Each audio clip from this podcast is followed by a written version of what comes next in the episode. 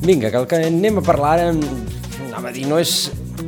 Intentarem ser didàctics, perquè, perquè eh, són temes que, que són xulos d'explicar, però que a vegades aquí ens en podem anar una miqueta per la branca tècnica i això sempre, sempre és complicat d'entendre. En, en Pau Planés eh, és el CEO, em sembla que és el CEO, no? Bueno, sí. d'una d'una empresa eh, que es diu Tres i Punt, que n'hem parlat més d'una vegada amb ells, eh, que eh, són, eh, participen en un projecte de desenvolupar una eina que sigui, mm, diguem, l'alternativa de, de codi lliure, és a dir, la- l'alternativa de la comunitat al Google Classroom.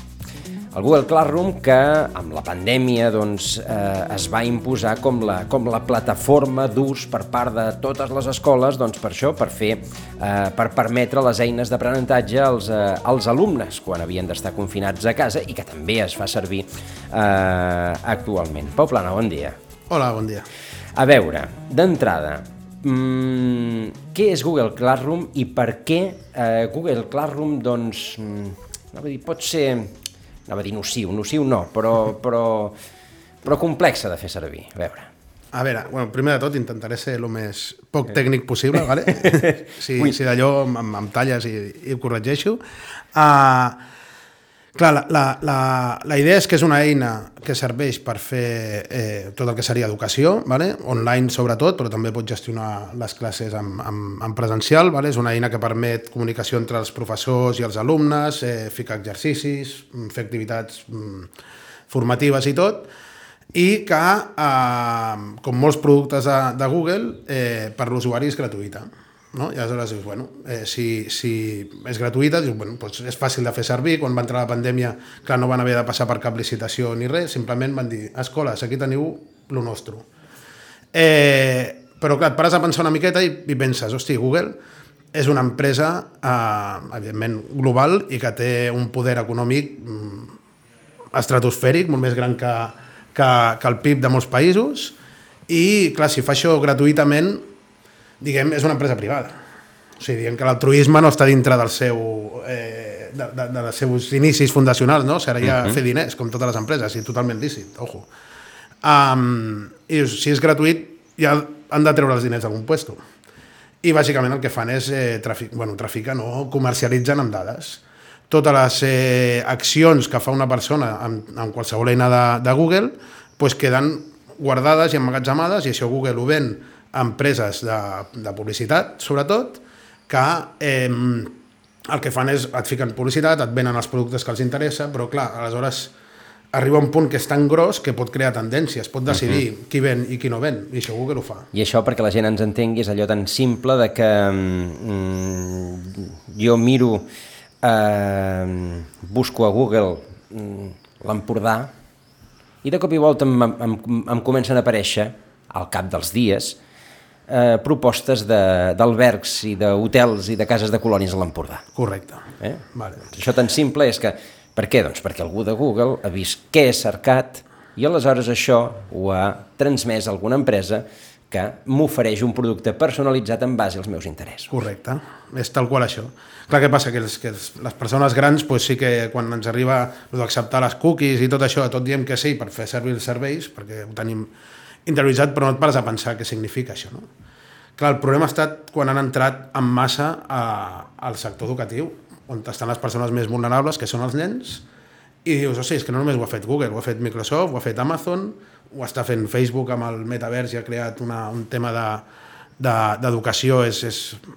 o sigui, tots van a buscar això dels nens, i dius, clar, encara et poses més en, en sobreavís de dir, mm, ojo, si ho volen és perquè, és perquè hi ha alguna cosa, Els consumidors del futur. Els consumidors del futur i els eduques des de petits, els hi dius exactament el que el que, i tot, fins i tot com han d'arribar a pensar, eh, canvien la manera de, de, del vocabulari, o sigui, ja no, no li diran ordenador, sinó que li diran Chromebook, no li diran eh, correu electrònic, sinó que li diuen Gmail. O sigui, ho tenen tan interioritzat que només tindran aquesta, aquesta porta d'accés a internet quan siguin grans, quan n'hi ha moltíssimes més. Uh -huh. Aleshores, vist això, algú va veure. Sí. El tema va començar el 2019, vale? un grup de, de pares, perquè ara els pares reben una circular, bueno, un, un, un tema de protecció de dades on han de donar permís perquè els nens facin servir les eines de Google al col·le i, i un grup de pares de, de, de Barcelona, en aquest cas, pues, va dir, bueno, s'ho va llegir i va dir que no estava d'acord i clar, van posar un problema en, a la pròpia escola perquè va dir, clar, si no ho puc fer servir amb tots, no ho puc fer servir amb ningú, o com passa, no? Què hem de fer? I aquest grup de pares es va posar en contacte amb una associació d'activistes que es diu XNet, que van fer un pla de digitalització democràtica, vale? es, diu, es diu així, i, i dintre d'aquest pla, vale, que hi ha temes de formació, de, de conscienciació sobre la protecció de dades i tot, doncs hi havia la creació d'una eina que eh, fos una alternativa real a Google, però amb codi obert, on els servidors i les dades fossin propietats de cada escola, de cada centre, i aquest centre pugui fer amb les dades el que vulgui. Que si després un centre decideix vendre-les, vale, però és el centre el que uh, té la custòdia i la responsabilitat de totes les dades. D'acord. Uh, I això s'engega per part de l'Ajuntament de Barcelona. Sí, es va provar... Clar, aquí a Catalunya qui té eh, la màxima competència de les escoles és la Generalitat. Uh -huh. eh, van estar negociant amb, amb ells i tot, però finalment van aconseguir eh, pues, això, amb, amb el Consorci d'Educació de Barcelona i el... Exactament, el nom és molt llarg, Departament d'Innovació, és un nom d'aquests uh -huh. d'ajuntaments. Eh, Uh, pues això, el Departament d'Innovació per la Tecnologia Educativa uh, de l'Ajuntament de Barcelona va treure una licitació on nosaltres que havíem estat en contacte amb, amb, amb Mixnet perquè som partners de, de Moodle uh, i amb Isart, que és una altra companyia que té, bueno, eh, fan més temes d'infraestructura, doncs vam presentar una oferta que va sortir doncs, guanyadora per uh -huh. desenvolupar una alternativa a Google, que queda com molt eh, igual pedant o dir, vale, puc fer això, però realment era un projecte que, que va molt en línia amb el que nosaltres pensem i que és molt, molt, molt, molt interessant. Uh -huh. Com era aquesta eina que, eh, que us ve, vosaltres no la teníeu, és a dir, es veu comprat a desenvolupar-la? Hmm. A veure, el tema és que l'open source, el, el codi obert, vale, té un munt d'eines i alternatives. Vale? Eh, WordPress, per exemple, ho és, Moodle, que és una alternativa a Classroom, ho és, uh, hi ha altres com eh, Nextcloud, vale? que seria com una mena de Drive. Què passa? Que com que són empreses separades, que cadascú desenvolupa una funcionalitat diferent, posar-les totes en comú a vegades és complicat, no? I aleshores si eh, un centre, pues, que evidentment mm, i, i malauradament eh, la capacitat tecnològica que té un centre sol és, és limitada, ¿vale? clar, ja és molt més fàcil agafar-lo de Google, que ja té totes les funcionalitats, que no un altre i anar-se muntant cosetes separades i fer que funcionin i tot, no?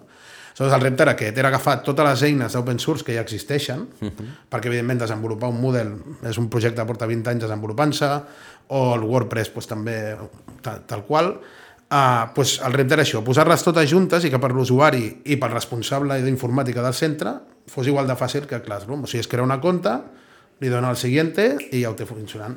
D'acord. Perquè, clar, és el que ens has comentat, Moodle ja existeix. Sí. Moodle com a, com a plataforma alternativa a la, funcionali a la funcionalitat, diguem, d'aules de, de, de Classroom. Sí, és, és la que... De fet, és la que més es fa servir en tot el món a nivell educatiu, uh -huh. tant a, amb, amb, amb nens i instituts i, i universitats, uh, i existeix, però clar, té la funcionalitat única, tot i que en té moltes més que Classroom, o sigui, per exemple, per tema d'avaluació de competències o adaptar-se a la nova manera d'educar que tindrem, Classroom és molt limitat. Uh -huh. En canvi, Moodle, pues, eh, bueno, té totes aquestes funcionalitats perquè és tota la comunitat educativa de tot el món qui el fa créixer. En canvi, Classroom és només, ojo, entre, entre moltes eh, cometes, eh, Google. I, I existeix, però clar, és una, una part. Què passa quan vols fer servir també el Drive o el Gmail o qualsevol altra d'aquestes, no? pues t'has d'anar a buscar altres alternatives. O el Google Pages, per exemple, ho hem fet amb el, amb el WordPress. Uh -huh. Aleshores era això, en cada una d'aquestes grans eh, funcionalitats vam buscar una alternativa que són projectes que són totalment estables i amb continuïtat i que sabem que d'aquí 10 anys encara estaran funcionant i els vam, els vam unir i això és un, és un repte molt gran, molt gran. Sí, perquè això per vosaltres, com a empresa, eh, què ha representat? Ah, gran pregunta. De, de moment moltes hores de feina. Uh, és un projecte que nosaltres ens hi hem involucrat i sobretot més de, darrerament perquè ara estem engegant el pilot va començar en tres escoles i ara comença un pilot de 10 escoles vale? és una altra, la segona part de, de la licitació que també vam poder guanyar eh, no és un negoci en si perquè eh, és algú que eh, ha de venir pagat per les institucions públiques. O sigui, sempre estarem depenent de que algun polític realment hi cregui i, i faci el pas ferm de dir, vale, eh, si Google és gratis perquè es paga amb les dades, vull donar una alternativa que sigui pagada amb, amb diners públics com a servei a l'educació. No? Aleshores, mm, anem, anem així, en el desenvolupament inicial és aquest, després és totalment codi obert, està publicat, tothom el pot fer servir, baixar-se'l i fer el que vulgui amb, amb el projecte, i per tant no ens, no ens suposa eh, un, un, el negoci de la nostra vida, per així dir-ho, però sí que és una que està molt alineat amb, amb, amb, amb la nostra empresa i que hi creiem profundament i que volem aportar a, a millorar la societat, si es pot, des d'aquest punt. Ara, per ser, per ser una miqueta didàctics, eh, allò que et, deia, que et deia al principi, ara ens has esmentat que codi obert. Hmm. Què és el codi obert i, i, i Google no en té de codi obert? No. Val. Uh, a veure, el codi obert és una, és una filosofia, de, de, o bueno, una manera de, de desenvolupar eh, software, vale, programes, vale, hi ha de dues maneres, que és codi propietari, que és una marca que ho desenvolupa i et cobra llicències, vale, Microsoft amb l'Office, eh, el, el Google, que bueno, eh, ara, ara sí que et fa pagar per les fotos, quan et deia que era gratis ara t'ho fa pagar i tot això, i altres maneres d'entendre de, el, el desenvolupament. És una empresa que fa un programa i el ven. El codi obert eh, sí que en molts casos és un projecte nascut d'una empresa, vale? per exemple Moodle és una empresa, però el codi de tot el programa el posa a disposició de la comunitat perquè sigui tota la comunitat que el millori. Vale? Amb la qual eh, s'aconsegueixen eh, doncs noves funcionalitats que, bueno, un, un conjunt de, de, d'unir esforços vale, per desenvolupadors de, de tot el món vale, que fan que el teu producte pues, pugui ser millor. D'acord. Uh, i, I on està el guany d'algú que participi en codi obert? El guany està sobretot en els serveis. O sigui, clar, nosaltres posem eh, la eina a disposició de tota la comunitat, però si una escola el vol fer servir, doncs necessita formadors, per exemple, sobre la, sobre l'eina. No? Doncs nosaltres tenim un equip de gent que ens eh, forma professors per fer servir l'eina. O sobre serveis de hosting. Vale? Eh, hosting vol dir on està allotjat, on està posada la web que vas a mirar. No? Ha d'estar en un servidor, en un ordenador posat en algun, món, en algun lloc d'internet. Pues aquest eh, lloguer d'aquest eh, servidor també val diners. Pues això és un altre servei que es dona sobre el, el codi. Uh -huh. I ara jo sóc un professor, un cap d'estudis d'una un, escola i dic, ui, dic, tinc aquesta, aquesta proposta que és molt interessant perquè és, perquè és de codi lliure, perquè en principi les dades no marxaran a, a, a l'altre costat de l'Atlàntic, oi? Uh, però jo sé que si tinc el Classroom, en principi no m'he de preocupar de que això no peta uh -huh. perquè el Classroom no peta està molt ben dissenyat i, i quan... Alguna vegada patat, eh? però, bueno. sí, exacte. però poques, sí, però, poques, sí, però, sí. Quan peta Google quan, sí que, que tremola el món, és tra, Tremola el món i al cap de dues o tres hores acostuma ja a estar arreglat. Si, si em peta el sistema aquest, si em peta el Moodle, què passa? Uh, bueno, un altre dels reptes que tenim precisament és aquest. Vale, això ja és una mica més tècnic, però uh -huh. hem mhm. creat un sistema que està totalment automatitzat, de manera que quan hi ha alguna de les peces d'aquestes que falla, automàticament ella sola es torna a instal·lar com siguéssim i s'aixeca. Vale? Per tant, el temps de resposta ja no depèn d'algú que estigui allà desenvolupant o mirant que funcioni, sinó que en la majoria dels casos pues, es torna a aixecar sol i triga això, uh -huh. dues, tres hores. O sigui, ah. és buscar respostes a, a el mateix que fa Google, perquè al final Clar, és el, que... el, el programa de Google també falla, el que passa que tenen, evidentment, perdó, molta més capacitat de, de, de resposta. No? És a dir, eh, una cosa en la que segurament estarem d'acord. L'eina de Google és molt bona. Uh -huh. L'eina de Google està molt ben feta, està molt ben pensada i a més a més està pensada probablement com, com poques coses eh, en qui l'ha de fer servir. Correcte. I no en, en la feina que, que ha de portar eh, l'empresa. L'empresa... L'empresa eh, ens importa poc. Sí, exacte. Per tant, eh, clar, intentar copiar aquesta fórmula la, eh, la, bueno, aquesta filosofia, eh? no ja, estic ja, ja. dient copiar Classroom, sinó copiar la filosofia... Tampoc és copiar perquè, evidentment, el tema de l'experiència d'usuari i la mm. usabilitat mm. i tot això és una que no s'ha inventat mm-hmm. Google. Mm -hmm. Sí que és veritat que ells ho fan molt, molt bé, però, però bueno, una altra... O sigui, a l'hora de, de crear i tenir aquest encàrrec, vale, teníem quatre eh, eixos eh, bàsics sobre, sobre els que pensar i com aconseguir-ho. El primer era l'experiència d'usuari. Uh -huh. Era, vale, model, la gent eh, ho veu com lleig o difícil o complicat, vale?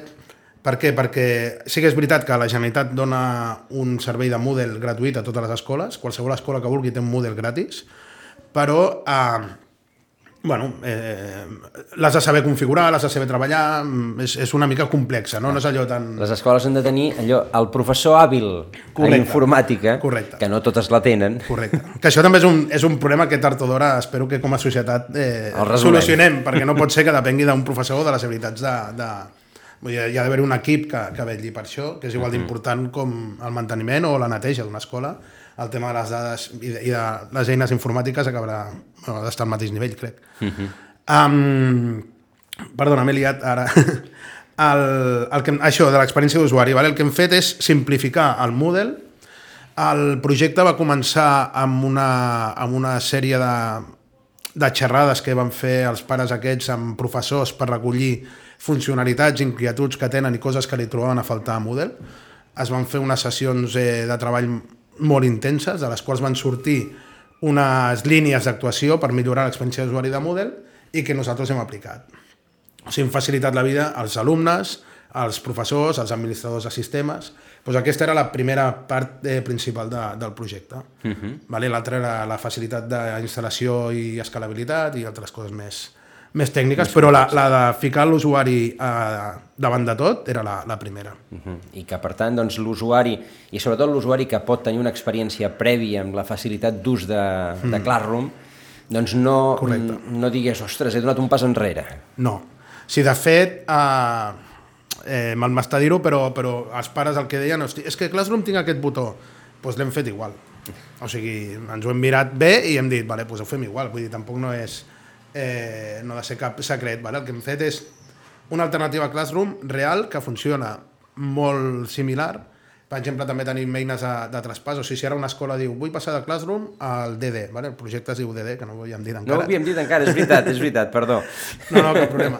Um, doncs tenim eines d'importació de cursos directament des de Classroom al, al sistema, que això és molt complicat de fer perquè Google és molt eh, bueno, té molt en cura que no puguis accedir gaire a les seves estructures de dades, però ho hem aconseguit legalment, eh, sense fer cap, eh, res de hacking ni res, i també d'usuaris, o sigui, tot el, el procés d'importació i de canvi de, de l'eina també és una que ens hem mirat molt perquè, perquè creiem que sigui, bueno, que ha de ser fàcil i si ha de ser una alternativa real ha de ser fàcil. Clar, perquè si les escoles estan fent servir Classroom i volen apuntar-se en, aquest, en aquest projecte, doncs puguin mm, continuar treballant de manera relativament transparent amb, amb el nou sistema. Sí.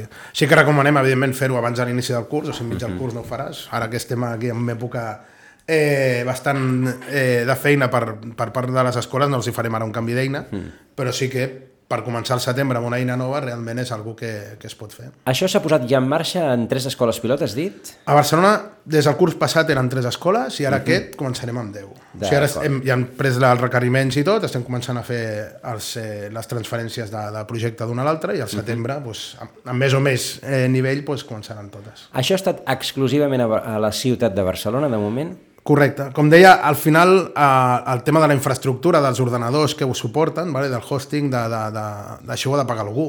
I, i, I creiem que ho ha de pagar una entitat pública. Uh mhm. -huh. I ara, de moment, qui ha fet la licitació per fer aquest pilot i tirar endavant és l'Ajuntament de Barcelona. O sigui, qualsevol altre ajuntament, com per, a mi, vamos, si el desitja, si està interessat, seria un orgull eh, que fossin pioners en aquest punt. Vam fer unes jornades a Barcelona de presentació del projecte i es van, bueno, tot el feedback que vam tenir vam presentar-ho amb 250 escoles en una setmana per via online i alguns eh, allà. I totes les que no eren de Barcelona és que ho volien com fos. I aleshores pues, eh, ser, inclús d'internacional, eh, des de França també ens han connectat, des d'Alemanya. De, eh, bueno, és un projecte que està tinguent bastanta, bastanta volada, la veritat. És a dir, no, no havia ningú encara mm, previst de, de fer com eh, com posar totes les eines de, accessibles del Classroom, totes, mm. no només el Moodle, sinó totes, eh, en comú en codi lliure? Clar, aquí el que passa és que normalment els informàtics som així, d'aquesta manera, i pensem en que però si ja hi són, simplement tu has d'instal·lar i configurar-ho, que això és fàcil. Clar, evidentment, quan et trobes a la realitat és que el professor de torn pues, pues no li pots demanar això. No, no. Uh, aquí es van ajuntar pues, això, pares amb professors, que ho han demanar. Uh, o sigui, ha sigut allò, tocar les tecles correctes en el moment adequat i per això ha sortit. I vosaltres, la, la infraestructura que heu proporcionat és, a, és la infraestructura de lligar a les diferents aplicacions. Correcte. És dir, o sigui, igual que en el Google fiques un, un login, un usuari i un password I estan totes lligades. I, estan totes lligades. No? Uh -huh. pues hem fet el mateix. D'acord. Bàsicament, per l'usuari, pot fer servir qualsevol de les eines que hi han, uh -huh. amb una estètica similar a totes, amb, amb els mateixos accessos que hi ha a, a Google, eh, però amb, amb open source i, saber, i estan tranquil que les seves dades no sortiran de l'escola i sobretot això, que, que estan segures i que, que no han d'influir en el seu futur. I ara, I ara que has dit això de l'Ajuntament de Sitges o l'Ajuntament que sigui, um, quin cost pot tenir això per, per un ajuntament, per l'erari públic que ha de suplir el cost dels servidors que paga Google, Google amb les dades de tots? Hmm no hi ha un número exacte i, uh -huh. i tampoc no d'allò, eh? però És sí que... Un aprox, una, fem un sí. Eh, per exemple, per, per un ajuntament com el, de, com el de Sitges, amb el número d'escoles que té i tot, o sigui, ara penseu que el, el de Barcelona, vale, que ficarem en 10 escoles, vale, el hosting anual de manteniment, estem parlant de, de 70.000 euros, 80.000 euros. Per 10 escoles. Per 10 escoles. És res. Uh -huh. O sigui, per un ajuntament, clar, per una escola tu li dius, t'has de gastar 70.000 euros l'any en, en muntar alguna cosa i et diran, sí, hombre, sí, Google m'ho dona gratis. Però per un ajuntament eh, no, són, no són diners. I a més que són diners que van a, a infraestructura, o sigui, no uh -huh. van a una empresa que amb ella pot fer res. És cost dir, directe d'algú que té una màquina que, que la necessites. Amb això es paguen les màquines, els servidors Correcte. que suporten el sistema. I ja Correcte. està. No, no, no s'ha de pagar el, el programari perquè el, perquè el programari en si és lliure. Correcte. Sí que també hi ha el, el cost de manteniment, de les actualitzacions que hi ha mm. i tot, però també és eh, assumible és, totalment, és irrisori, perquè més és comú a tots els ajuntaments, o sigui, a tothom mm -hmm. que ho faci servir. Uh, Pau, en quin punt està aquest projecte? Ara uh, l'exteneu a 10 escoles més, té la voluntat d'escalar-se de, de, cap amunt i d'anar a buscar gent i d'anar a buscar gent a fora també, o com, com ha d'anar això? Sí, aquí aquesta, aquesta part del, del projecte, veure, nosaltres som més els, la part executora, com uh -huh. si diguéssim, la part de, que, el, que el promou més és sobretot Xnet, amb la Simona Levi al, al capdavant. Si busqueu informació ja veureu que en trobareu molta.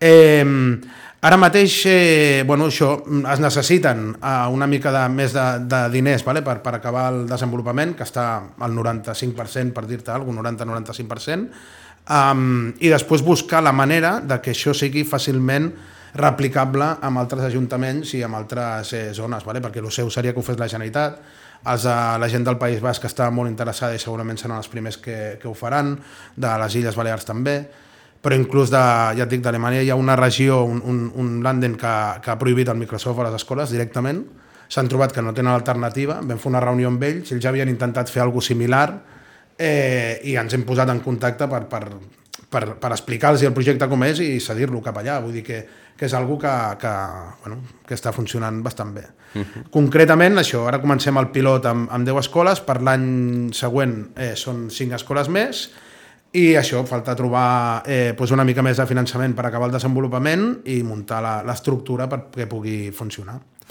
Això per la vostra empresa ha representat un, un abans i un després? En quant a volum de feina i d'això, sí. sobretot, és més un tema de reconeixement més que no de negoci. Perquè, clar, nosaltres, la nostra part en aquest projecte és el desenvolupament, un cop desenvolupat, evidentment estarem involucrats en el, en el manteniment, formacions, amb tots els serveis que hi hagin al, al voltant, amb, amb desenvolupar millores, però no és un negoci en si que diguis eh, la, la, la gallina dels ous d'or, no? O sigui, ens enfrontem a, a Google, però no per, per guanyar diners, sinó per fer-ho millor. Sí que toma ja. Anava M'ha quedat... Perdó, eh?